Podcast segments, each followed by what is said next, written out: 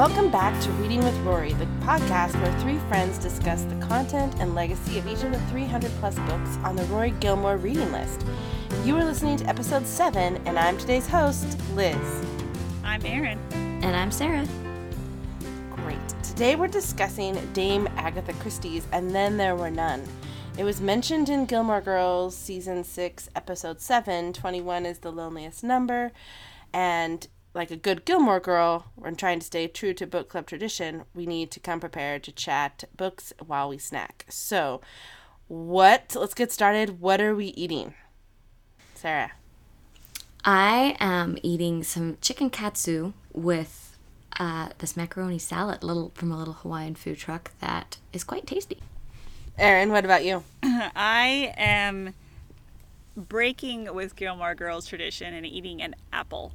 Um, Gilmore Girls are not Luke about approve. eating healthy. I know Luke would approve. Or and- it's a sign that you're pregnant. right. I was gonna say the only time an apple is ever mentioned is when Lorelai thinks she might be pregnant. I am not pregnant. No question. So we don't have to worry about that.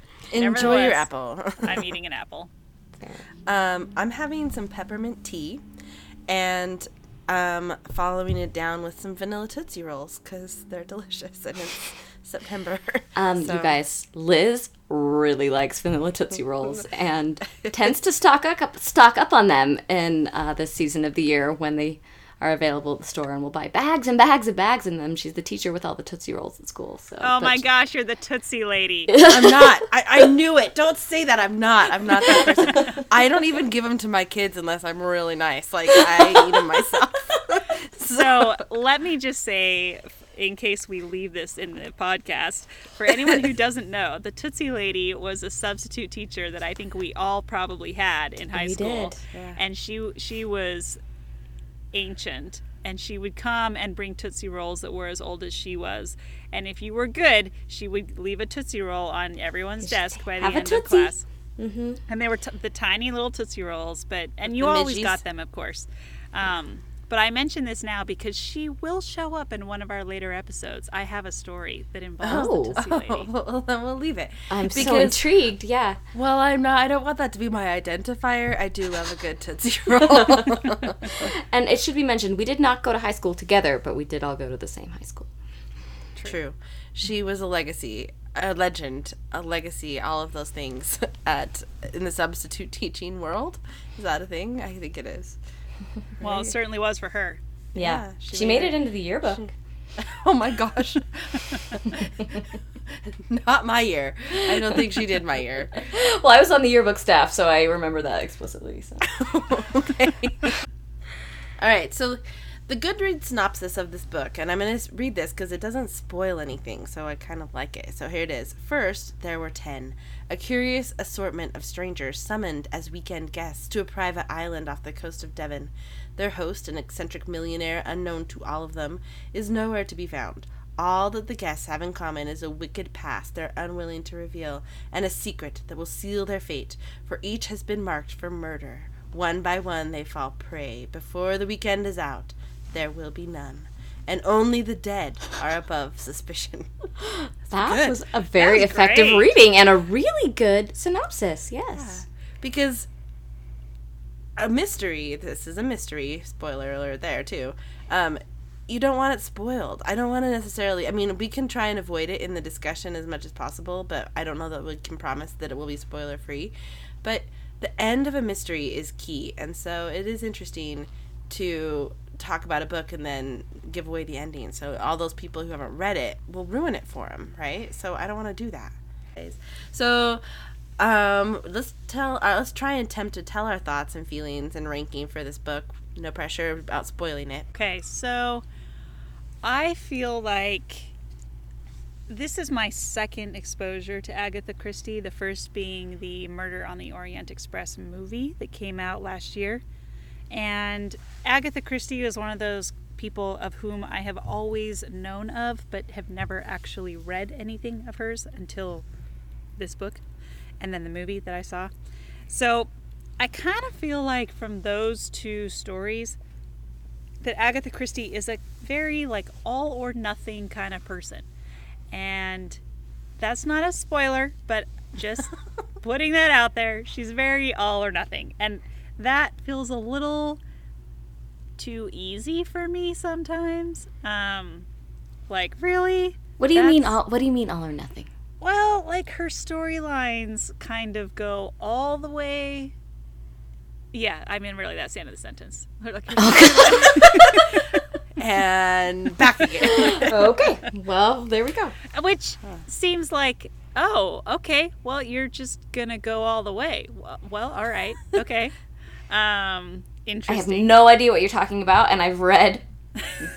I- I've, I've read some Agatha Christie, but I'm I'm I'm I'm, Well- I'm liking trying to follow where you're going with this. So keep it up. I'm tr- I'm trying. I'm really trying to keep with Liz's spirit of like not spoiling things. Just oh yeah, say no. I'm gonna spoil some stuff. Just say 'cause it. It's how do you talk about this book without spoiling it? well, Right. see, here's it's better than being like super ambiguous and we're like, it's all the way. sure. all right, Spoil fine. it. Spoil it. So, okay, here's the thing. In you, look at Murder on the Orient Express and this book, and then there were none, and the plot lines just like you look at and you're like, no way all of them could be the murderers, or no way all of them could be murdered. But sure enough, it goes all the way. And it's, it's similarly, I was like, oh, for sure some of them are going to like figure this out and get off the island. But nope. So that's what I mean when I say like she just she tends to just like go all the way. And I haven't decided if I like that or not. It feels a little bit too easy. And so, but at the same time, it's kind of interesting that nobody comes out unscathed. And so, um, so I give it like a three. okay. All right. Sarah? Um, I I like a good British mystery. That's that's right up my alley, and um, I like Agatha Christie. But and I've read this book before. It's been a long time. Um, but for this read, you know, it's easy. You can swallow it in an afternoon, and it's not the most like amazing prose. I don't find like that the the the words jump off the page. She writes a good little page turner, and there's some interesting ideas for sure. Um, and makes you think about you know vigilante justice and things like that. There's there's stuff to think about and chew on, but the uh, I don't like the characters aren't the most memorable to me, and you know her what's his name Poirot that's in Murder Case on the Orient point. Express. Yeah. Um, Yeah, her main detective. her main He's detective not he's this. not in this Yeah. um and he's kind of a memorable character right but he's not in this and i yeah so i would say i'd go like 3.5 because i do like it i like the genre i like the britishness of it all but um i didn't love it so yeah 3.5 All right. So I'm probably like, eh, I'm probably a 3.52 actually, being realistic. But what I like about the book is that it does have a intricate plot that you have to like you can't really predict it. And so eh, when i read a mystery i'm usually always trying to be like okay who's didn't who do who's doing this? Who did it? Who did it? You know? But this book doesn't really have that. It just has a lot of bu- building suspense which i think we should talk about. But what i don't like is that it doesn't really give a lot of character development i mean we get their motives a little bit towards the end but i mean i don't know i just uh, that's not there's some character development and it's some but i don't yeah but there's certainly too not many there's too many characters yeah i was gonna say she's not across the board there's too well, and I don't characters think it's supposed to be about character development. Like this is That's about plot. vigi- this book is this plot is about vigilante justice, not Yeah. about character development. Yeah, yeah. Well, and I just like I think that's my gripe with it is that I like a little bit more in depth of the characters and maybe some more description. I don't know. Maybe that's it. But anyways, three point five for me. Someone on uh, his name is James apparently on Goodreads said he gave it five stars, and I think it's interesting why he loved it, and I think um, we'll talk about one of these points that he makes. So, this is a book that started my absolute love of the mystery genre. I was addicted and must have read it three or four times over the course of the year. Between the poem, the deserted island, the plot twist, the countdown, the pure clandestine suspense, it couldn't get any better. So it does have a lot of things going for it, right? I, I feel like what he brings out. I agree. I think the deserted island uh, Yeah. aspect of it is kind of ooh, yeah. And the countdown, like the, every time you're like, okay, so is that there, there's a there's another figure missing, right? Another statue missing. I mean, there's some things that build the suspense. So I won't talk about that. But how did he read it three or four times a year? Because for me, rereading this like, would be like, okay, I know who did it. Like, cool. Done. Like Yeah. this isn't. uh, Why would you read it three or four times a year?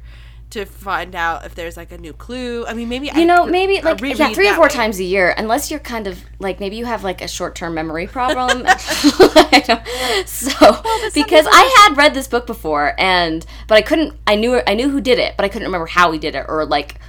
You know, so that was interesting in kind of like knowing who did it and going back and reading it, knowing how it ends is is actually kind of an interesting exercise. Yeah, no, that's an exercise. But four times a year, yeah, no, I hear that. I don't you're know. like, I, I mean, really hate Farah. I want to read this more. At the same time, though, like I grew up reading the Nancy Drew novels and loved Nancy Drew books and would reread them over and over and over again, even though I knew what was going to happen every time. But it didn't matter. I still loved the story and would read it over and over again. So I guess I can. go. I mean, three or four times in a year seems a little excessive, but I don't know. well, the appeal to in this book is what is what's going to happen, and you know what's going to happen. So okay, but James is cool. Go James. I like it. Um, I mean, the interesting thing to me about this book as well is that it is the best, the best selling crime novel of all time. It has sold over 100 million copies since it was published in 1939. Um, the world, the Guinness Book of World Records actually calls it the like the best-selling book of all time. I don't think that's true.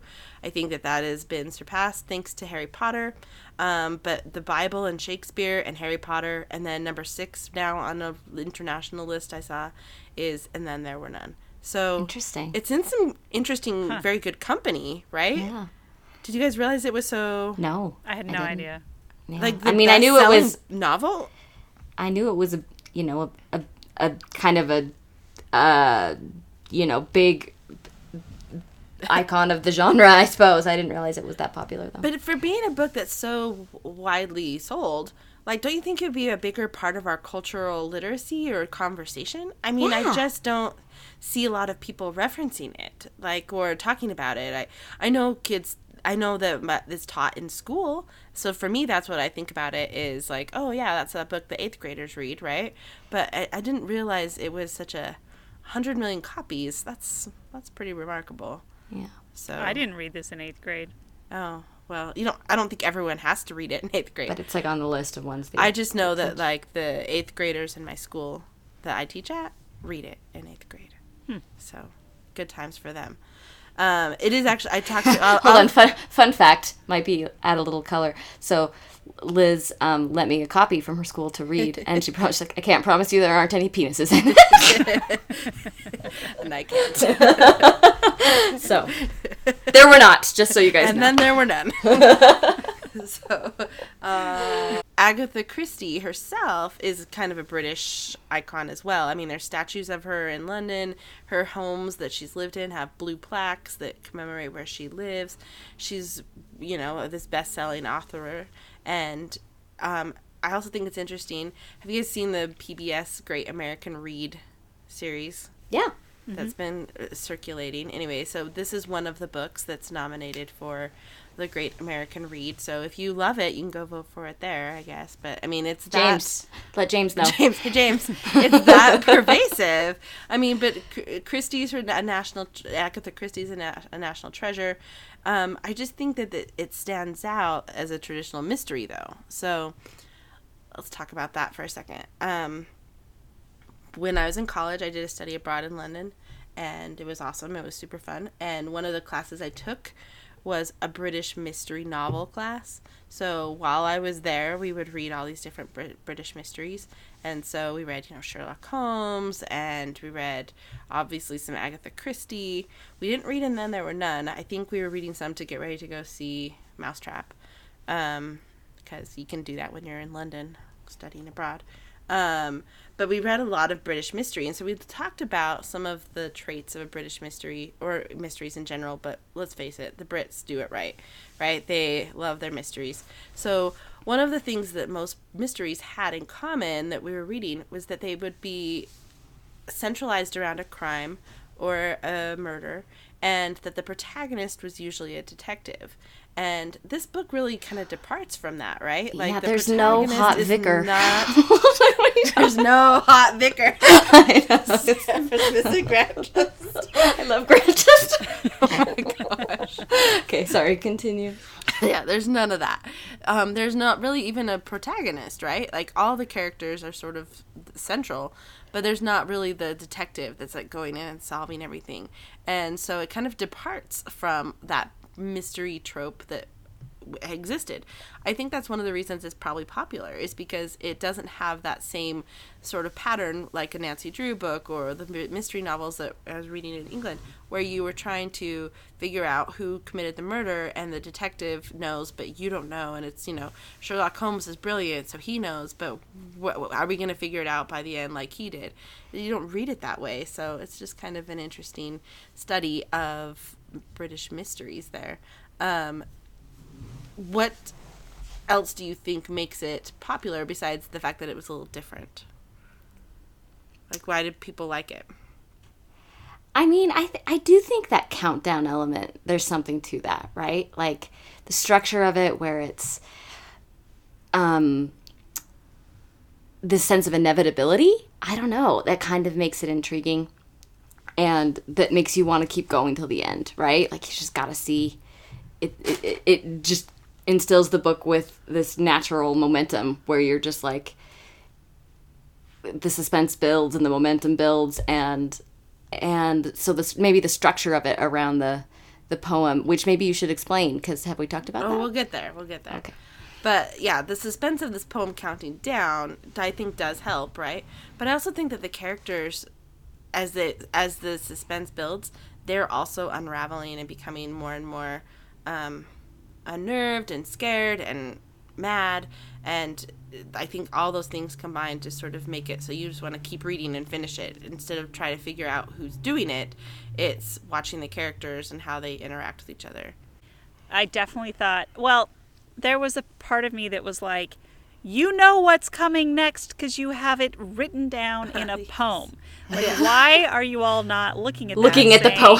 looking at the poem as like hints to what's coming next.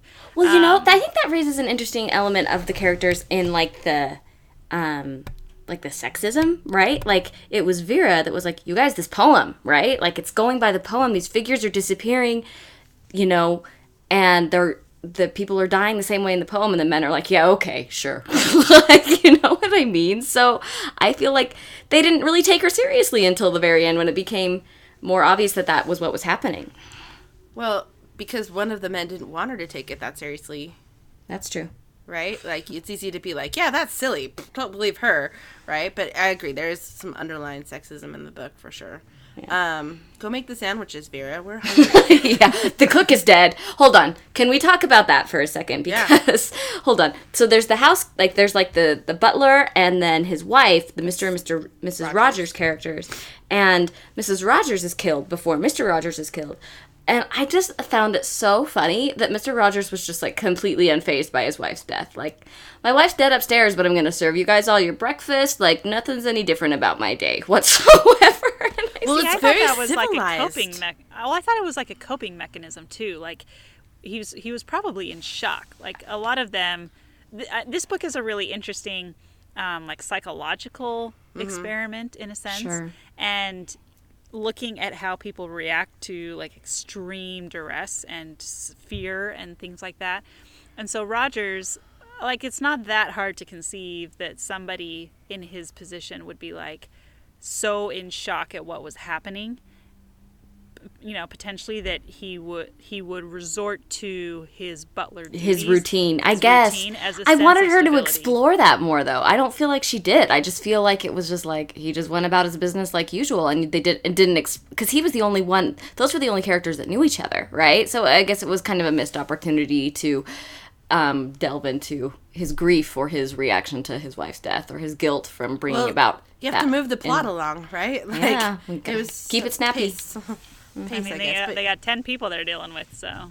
I know, but like I even feel like even just like a sentence or some, some like some acknowledgement that he was sad that his wife died. I just felt like it was strange that um, he just you know went about his business like usual, and the only and then it was just like he was getting his stuff out of the room, and that was that was really the only sense of reaction we we saw as to how his wife died, which I thought was Well, kind of all of the characters have a little amorality to them, right? And progressively, the idea is that they each one of them was more and more like as you got further down the line, like they're more and more guilty, more culpable. more yeah. culpable, and um, sure, I mean, or that what they did was worse.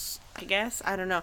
One of the exercises that the, the eighth graders have to do at school is they have to like determine who is like the not the worst person, but like the most guilty, or you know, like who who's really done the worst things. I guess. Well, yeah. Well, that the murderer at the end when they confess Yeah. does say, "I, you know, planned it such that the most guilty Right. had right. to kind of live through the the her- the terror of you know watching people drop off one by one." Yeah. So I mean, I think this idea of like the justice and the guilt associated with it.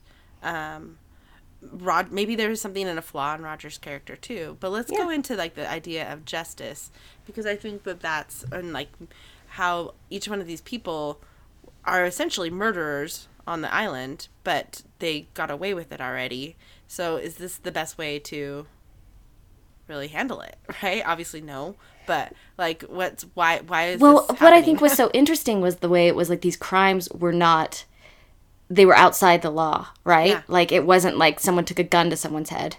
They sent someone to like a general sending someone into battle, kind of like, you know, King David and Uriah, right? I like that reference, that his allusion to that. He's like he couldn't listen in Sunday school when they talked about that. Or um, someone who turned away a desperate um, you know, Mrs. Brent, who, not Miss, or Miss Brent, who turns away, because she's so judgy. yeah, to like, like her, her coldness and her, um, her, you know, that's not something, like, she just refused to take someone in. That's not an, a, a crime that you can prosecute, you know, and, and because she refuses to take someone in, that person then goes and kills herself out of desperation. And, and is that murder? You know what I mean? But is she, you know, responsible? you couldn't see it because it's a podcast, but I was doing air quotes.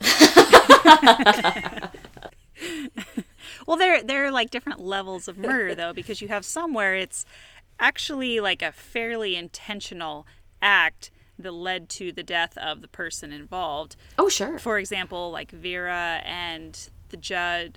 Yeah, well, the, well yeah. The Well, judge. Vera, she's the last one to go. Well, Vera. and the judge too. He but the judge too and, and and getting that guy convicted like that was very intentional on his part and the guy was hanged for it or whatever executed but then you also and well and then you have the rogers and the fact that they deliberately withheld the medication that would have helped out their the person they were working for but then you have others where it's not necessarily an intentional commission or omission but it's Yeah. more just sort of like an unfortunate byproduct of their meanness and that's where you get like the miss brents and the mr blore who you know perjured himself and the guy ended up like killing himself as a result um, and you know so where it's like they're not trying to harm anyone they just it's just like a really unfortunate byproduct of some action that they took so i think there are like different kind of But- cate- yeah, know. it's it's interesting because I do think like I think the general was obviously trying to harm that guy. well, And yeah he would fall into the first group yeah, except that except that the the murderer he was one of the first to to be killed, right? Like so I- it's just so interesting. I don't know. Or like whereas for me, so like the first person to die is what's his name? Marston? Yeah. Uh-huh. and he it's like a hit and- like a like he runs he runs over two little children because he's driving too fast. And and in the view of of the of the murderer who you know kind of planned planned this all out he was the least culpable because he just like the way he was raised he didn't know any better. And because he's this rich playboy kind of he didn't have a sense of right and wrong that would have you know, he didn't know. And I was like, uh, uh, I feel like that logic is a bit faulty. um, so I don't know. I just think it's really all subjective, the sense of, you know, we can get into that, right? Which The- crimes are worse? which crimes are worse and this and this person i mean are we we've been i've been referring to him as the murderer but obviously we're going to spoil it it's the judge it's the judge right the judge is the murderer and he has has taken it upon himself to kind of play god in this circumstance and and judge what is um you know who's worthy of life and death and and and what they've done merits their manner of death that kind of thing I was gonna say, speaking of judges, let's talk about Miss Brent. okay She, it's her character, um, is kind of unsettling to me. I don't like her character. And I feel like her perspective on the world was sad, and people judging her was sad, and all sorts of things were sad about her. But interestingly, eighth graders apparently hate her. Like, she's the worst. So, they want her, like, when they rank the people who are the worst, Miss Brent sometimes is the one that they choose. Hmm. So, in their mind, being that judgy and that, you know, like, person Cold-hearted. cold hearted is the mm-hmm. worst thing you can be. So, I just think that's kind of an interesting. Yeah uh, Well, I think I think part of that could be the fact that she never felt any sort of remorse whatsoever about what had happened, and all of almost all of the others did. You know, even if they didn't really want to face it, they still sort of acknowledged that there had been things that were done that were not great. And, Mr. Lombard didn't seem to care too much that he'd committed well, mass murder. like I said, not all of them, and like Yeah. Marston didn't care at all, and um, you know, levels, so- but she wouldn't even own up to like I didn't I didn't do anything wrong. I didn't do Yeah. anything wrong. yeah, yeah, she was just like hard line all the I'm way to always the end. right. Yeah. right. Yeah, Yeah, that's a good and point. she was really so, and the fact that she used her, her religion as the foundation for that, I think also probably rubs people the wrong way because that's one problem people have with religion that Mm-hmm. they see it as a very judgmental institution that's not very forgiving and not very accepting. And Miss Brent embodies all of that. Mm-hmm. Yeah. Well, the way she would just like turn away someone, right? Like that's very is making a very very strong point, right? Like she it may be this Christian woman, but she's not doing her She's not Christ-like. her Christ-like ideals, or you know, she's not putting that out there, and she's unlikable. Like no one wanted to be around her. I mean, it was just kind of an unpleasant. She's an unpleasant character. Yeah. So was the judge too. So uh, the both of them together, like we can ship them, right? Like they just, that takes it a weird direction. yeah. Well, I yeah, you and Liz you raised this to me while we were reading it like kind of going back to the sexism in the book um that you know, this idea of like this old spinster is, you know, with her religious mania kind of, you know, this that maybe like her sexual frustration, you know, like I think that was in the subtext, but that she just just these ideas about spinsters and Yeah.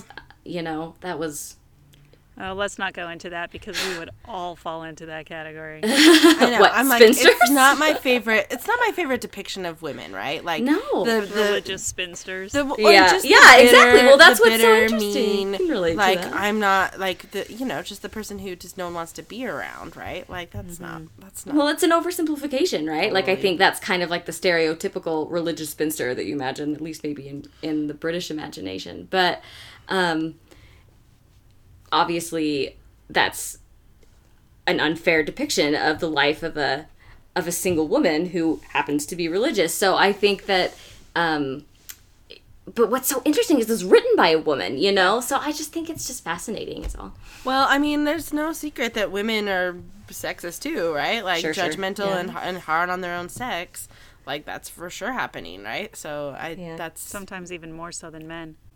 Vera's character, I think, surprised me more than all the other characters because as the story went on, I was like, oh, that's kind of sad. Like, there's like a, a brief window, uh, kind of I think near the end, where you get a, like a window into Vera's psyche about the accident, and mm-hmm. you're like, whoa, that is not who I thought that Vera was. Like there mm-hmm. was a real like twist in her, Vera's character, and I thought that that was really interesting, where you see a real darkness in her, and um, and I just thought that that was fascinating, and the fact that then in like the postscript when Hugo is like interviewed or whatever by the police, and he had seen it too, and he knew it was there as soon as the the accident happened, and I just thought that was a really interesting and surprising element to Vera's character that I did not expect.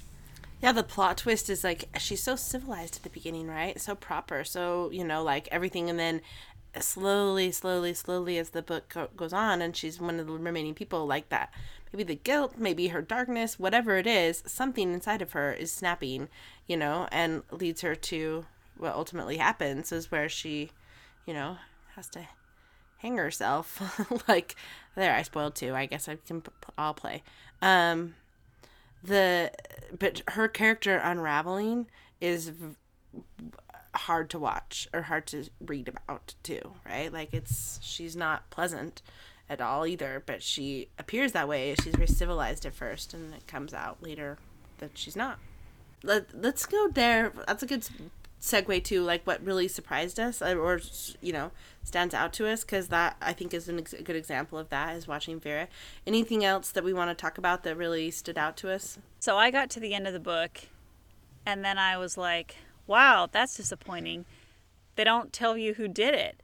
And I almost didn't read any farther because I thought it was just like afterwards and, you know, like things that you don't read Don't really- epilogues i get it yeah. Well, no, I mean, I usually like do, but I don't know. For whatever reason, I just I got to the end and I was like, oh, okay, well, that's the end, and didn't really, They didn't explain it. yeah, and I didn't really think about the epilogue. And then I was like, oh, there's more in the book. I'll just keep reading and see what they have to say about it. Maybe it talks about like the legacy of the book. And I was like, no, it's an epilogue, which you know it says epilogue at the chapter heading, so that's smart. And so then I was like, oh, interesting. But then I got to the end of the epilogue and I was like, okay, well, that still doesn't explain it. And then there's like another part of the epilogue, which again, I almost didn't read because I just thought it was like something else unrelated to the book. So do you think people consider it are like weird, like, unresolved? Well, yeah, I was like, wow, that's really unsatisfying. And I almost ended there. And then I just kind of like luckily started reading the next page just because it was there. And then I was like, oh, I, well, that have still been part a of the real book, bummer. yeah. that would have been real disappointing if I'd come to this podcast and been like, guys, they never tell us who did it. and we're like, uh, okay, sure. Yeah, that would have been um, would have been funny. I mean, would have made for a so even though we already spoiled it, read all the way through the end Yeah, of the book. finish the book. But I mean, that is surprising about the British Maybe we should put a disclaimer because- on the, the thing saying probably read the book before you listen to this episode. I mean, in a mystery novel, there's usually always that like denu- denouement, right, where someone like unravels everything and tells you. that was some excellent French. I'm very impressed. Thank you, thank you, and some you know like literary knowledge. But Yeah. that's what they do. They tell they, they they break it all down for you and tell you what happened. And usually it's like the detective who sits there and is like, "Okay, let me tell you how I solved this case." But um, it's interesting that they just have to have him do a message in the bottle, like they Which we will of have the another- Sting song on our po- on our Spotify playlist. yeah.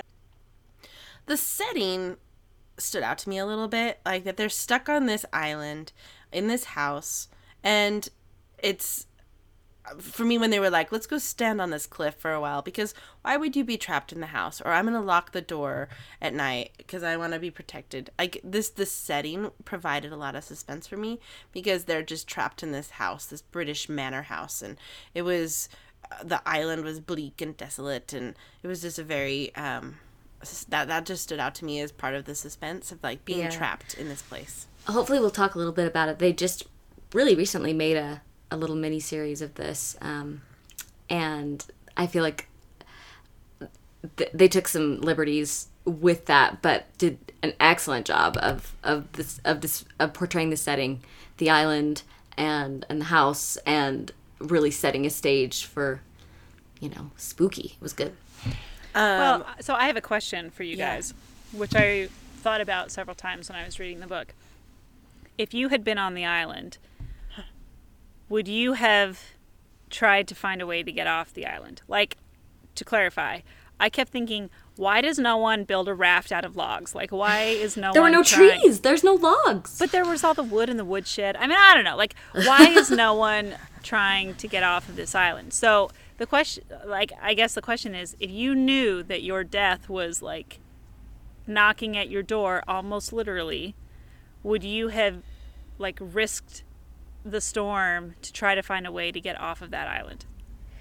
I don't know. I mean, that's a good question. I think that it's almost unrelated in the sense to the characters because, like, you look at like the general who's like guilt was like, all right, it's come for me. I'm just sit gonna accept it, it, you yeah. know, like, um, and it was like they're, you know, they were just kind of maybe ready to accept, yeah, accept their fate. Mm, I don't know. I'm not a very good swimmer, and I think the ocean is scary. So it's kind of like one scary versus another scary, and I probably maybe would have tried to hide somewhere else on the island, but um, because the house just feels kind of like you feel like a sitting duck a little bit. Yeah. Um, but I don't know that I would have braved the storm. I think that's certain death where maybe if you could outsmart whatever was happening in the house, or if you could find a place to hide on the island somehow. I'd party it up, right? Like, Oh, okay, yeah. I guess I'll take advantage of it. like, Like we're all gonna die anyway. Yeah. Just, I don't. I mean, I don't know that I would really be able to. Mm, no, for I don't think I would have been able to escape. I don't know. See, I my experience with escape rooms. like I like to think that I'm an intelligent person, but escape rooms have proven that maybe I'm not as smart as I think I am. So, uh yeah, I think I would be in denial that this is actually happening. I don't know how successful I would have been. Well, I mean, because I I look at it and I think I would have just like taken one of those logs and used it as like a flotation device and swam back to the mainland. Like it just seems strange to me that nobody was trying to con. I mean, they were waiting for the boat to show up, but it you know like the smoke signals and all that stuff. Granted, like the people on the mainland were told like don't do anything, but it's still I don't know. I thought it was interesting. Relatedly, would you have gone to the island in the first place if you'd gotten a letter from some like semi-distant person that U you N kind- Owen unknown. Unknown. Yeah, I thought Right. that was dumb. like would you would you have gone to the island by yourself in the first place No. No, Okay. I don't think I would either. yeah i don't i, don't think it- i would have either or i would have taken a friend which would have then completely blown the whole thing Yeah. Yeah. When you think you're going to a house party or, you know, a holiday, whatever it is, right? Yeah, I don't know. It does seem strange to go by yourself to a stranger's house and Well, But there it's is a the mystery, d- Yeah. like the mystery novel element of just like suspended disbelief, right? Like, yeah, Sure. right. They're not all good. Like those people wouldn't really all just go, and that's fine. But not just mystery novel, but any story, no right? mystery novel. Sorry. Yes, the willing suspension of disbelief is an important part of enjoying any piece of art, I think. Uh, um, t- the interesting thing for me too about this novel is that it was not always called, and then there were none. So, I had a version of it growing up called Ten Little Indians. So that's always what I thought it was until I got to school, and then I'm like, "What's this book? Oh, it's this book." But there's actually two name change titles. It was published by something very different, named after the nursery rhyme that it um, was named after, and it's um, a much more offensive racial slur than Indian at first. So that's what it was called when it was first published in 1939 in England. But in the United States, the next year they only published it as "and then there were none." Like they be, they weren't having it. like we're not calling it that. So I don't know where my version of that. Ten Little Indians came from because they didn't publish it in the United States under that name. So Maybe it came from Canada. yeah, that's what my assumption is. Is mo- is mom's. Um. So they went underwent some name changes. So that's. It also underwent some name changes in the movies too. So like one film version of it was called Ten Little Indians, and one film version of it was called And Then There Were None. It just had a lot of varied, varied. Yeah, the original Yes. rhyme it's based it's based on the original name of that rhyme. Yeah, it contains said very offensive racial slur, and so they. And the to- island was apparently named that too. So the Really? Soldier Ooh. Island And I mean, the fact that they just eventually changed it to soldiers, I think a good Yeah. place to land. But um, did you guys like the nursery rhyme element of it, or did you think it was kind of It felt like a little British whimsical flourish. It was a bit uh-huh, much. Uh-huh. Yeah. Oh, I liked it. I thought it was great. Mm-hmm. I mean, I liked the structure of it, but like the fact that he felt the need to, like, you know, I I, I was so brilliant and I, I couldn't just murder people. I had to make it this elaborate thing. Like, okay, like, he just seemed like a little bit I just think it uh, provided a fun structure. extra for me. Yeah. Mm-hmm. Um, okay, well, let's talk about really quickly the ways that um, this has gone beyond the bookshelf, right, or the classroom, or my bookshelf in my library. They're very much um, these books are very much a part of our everyday lives. So we see them in book, uh, in movies and TV shows and video games in this case and other media. So there was a 1945 movie version with uh, René Clair made um, called "And Then There Were None," which I started to watch, but the audio was too off, so I didn't finish. I finished it. And was it a happy ending or a sad ending? They changed the ending. Yeah. So, Really? Spoiler alert again. Yeah. And well, so they changed a few things. First of all, not all the characters are named the same names. Some of them are, some of them are not. They also have slightly different backstories for some of the characters. For example, with Vera, it's not about her change, or, or it's not about the kid and her fiance. It's about her sister and her sister's fiance. So um, it's a little bit different. And they have a couple of different, like, pretty big changes where the person who plays Lombard actually isn't Lombard, but he's like some other guy who came across Lombard and Lombard was dead and he saw the letter and thought it was interesting. So he came as Lombard um, just to see what was going on. Why So anyway, make that, that more was- complicated? That's weird. Yeah. yeah, That's weird. So that was interesting. And then again with Vera, she did not actually kill anyone. It was she was blamed for it though, and so it was like a mistake that she was there. Um, She's a good person. yeah. So Vera and Lombard both end up being innocent, and Are they in love? yeah, they do kind of get together, and they they end up getting off the island. Um, so they so the judge is like waiting for Vera when she comes. Well, so when they're down on the beach, this is like full spoiler. Sorry, but when they are down on the beach, instead of shooting Lombard, Lombard says to Vera, "I get it. You have to pretend to kill me," and um, so she shoots, but misses him intentionally. But he falls over as though he's dead. Vera then goes back up to the house, and the judge is waiting for her. And then the judge explains the whole story. So rather than the message in the bottle thing, that's how they convey Yeah. the judge's story. And then he's waiting for her to hang himself, but um, it turns out that Lombard has like poisoned the judge's cup, so he can't really move, or so he ends up dying.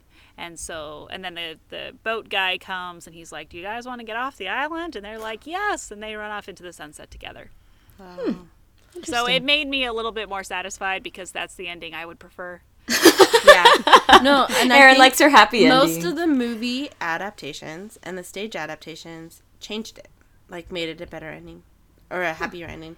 a happier ending because I actually like the ending. I think there's something kind of like, um, yeah, just like that sense of inevitability again that makes it interesting. I feel kind of icky at the end. Well, know? sure. When- yeah, I didn't like it. I didn't like that inevitability that there was nothing you could do. I don't know. Uh, it just is like, okay, they all died. It's, it's grim. it's just grim.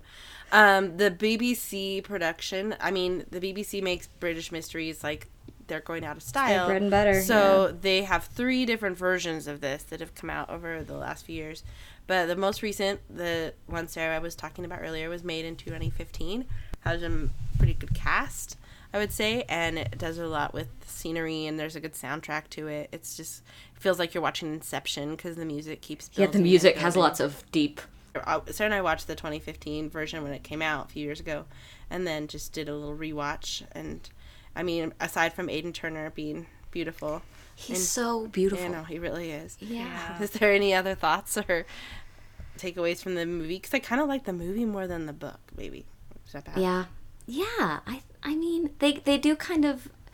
I felt I- It's I grim. They keep the ending. yeah about it is it really captures that atmosphere and it's just you know these like swirling oceans and spooky skies and there's like the island that they set it on. I don't know how much of it was cgi or not but it, they did a really good job of just having this like you know yeah just this really evocative setting that um, i really enjoyed. So i think that's what makes it worth watching for sure.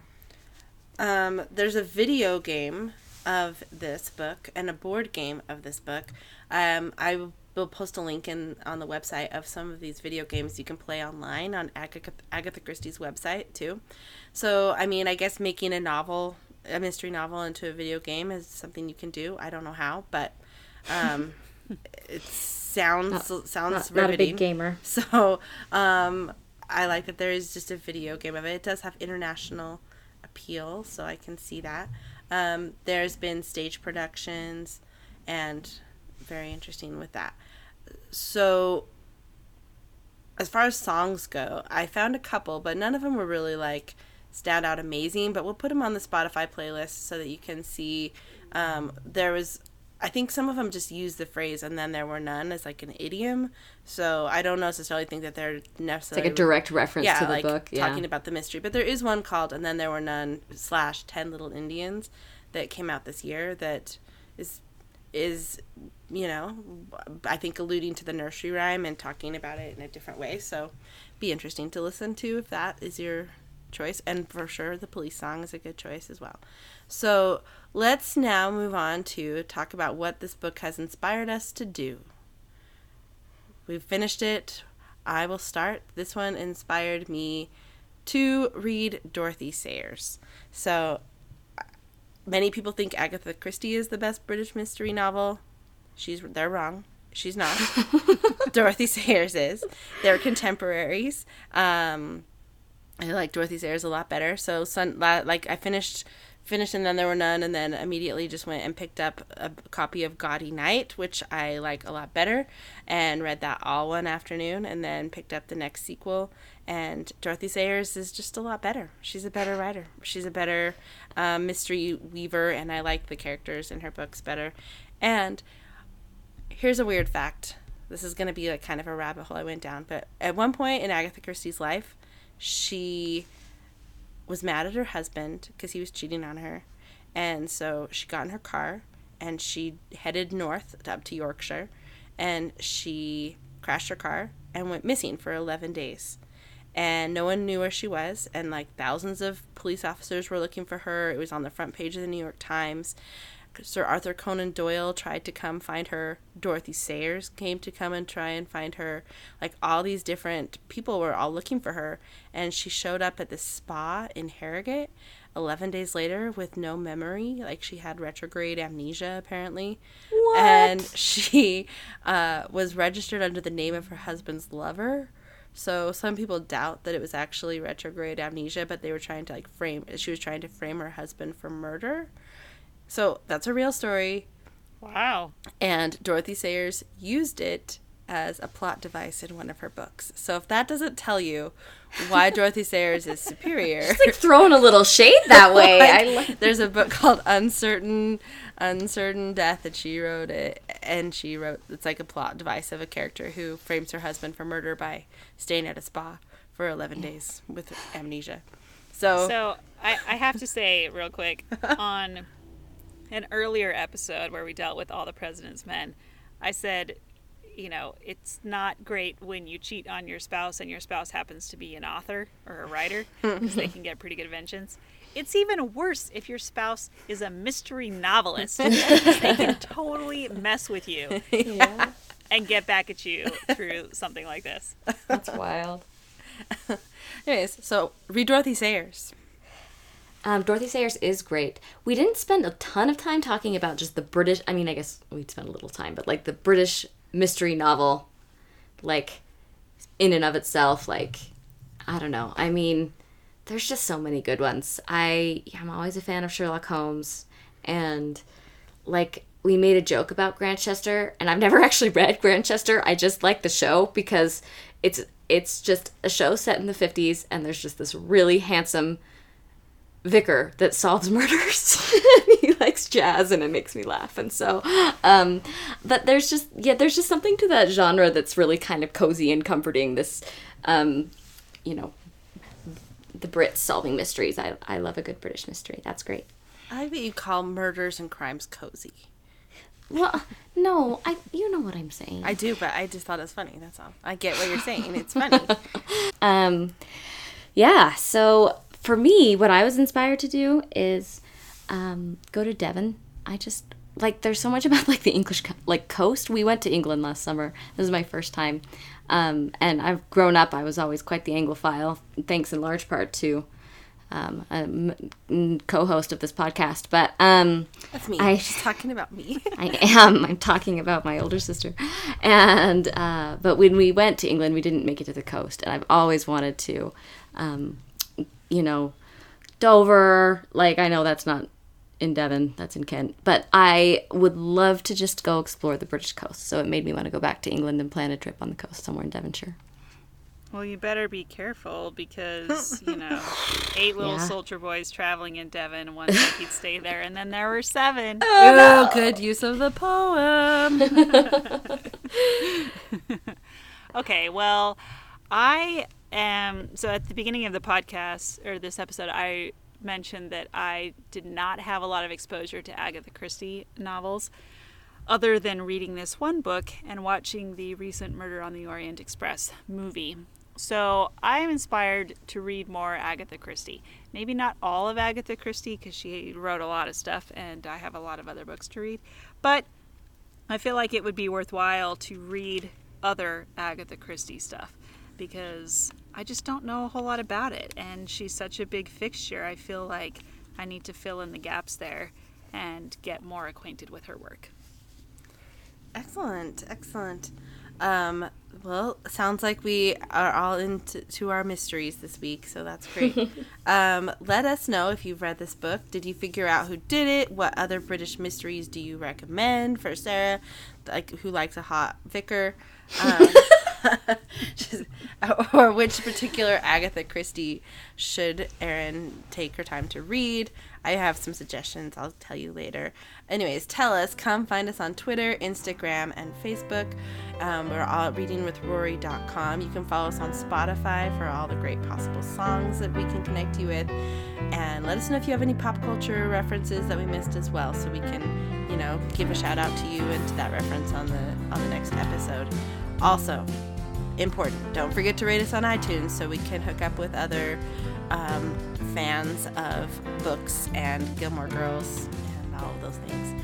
So, next time on Reading with Rory, we're going to be reading Angela's Ashes by Frank McCourt. So, join us as we read along, and we'll catch you next time.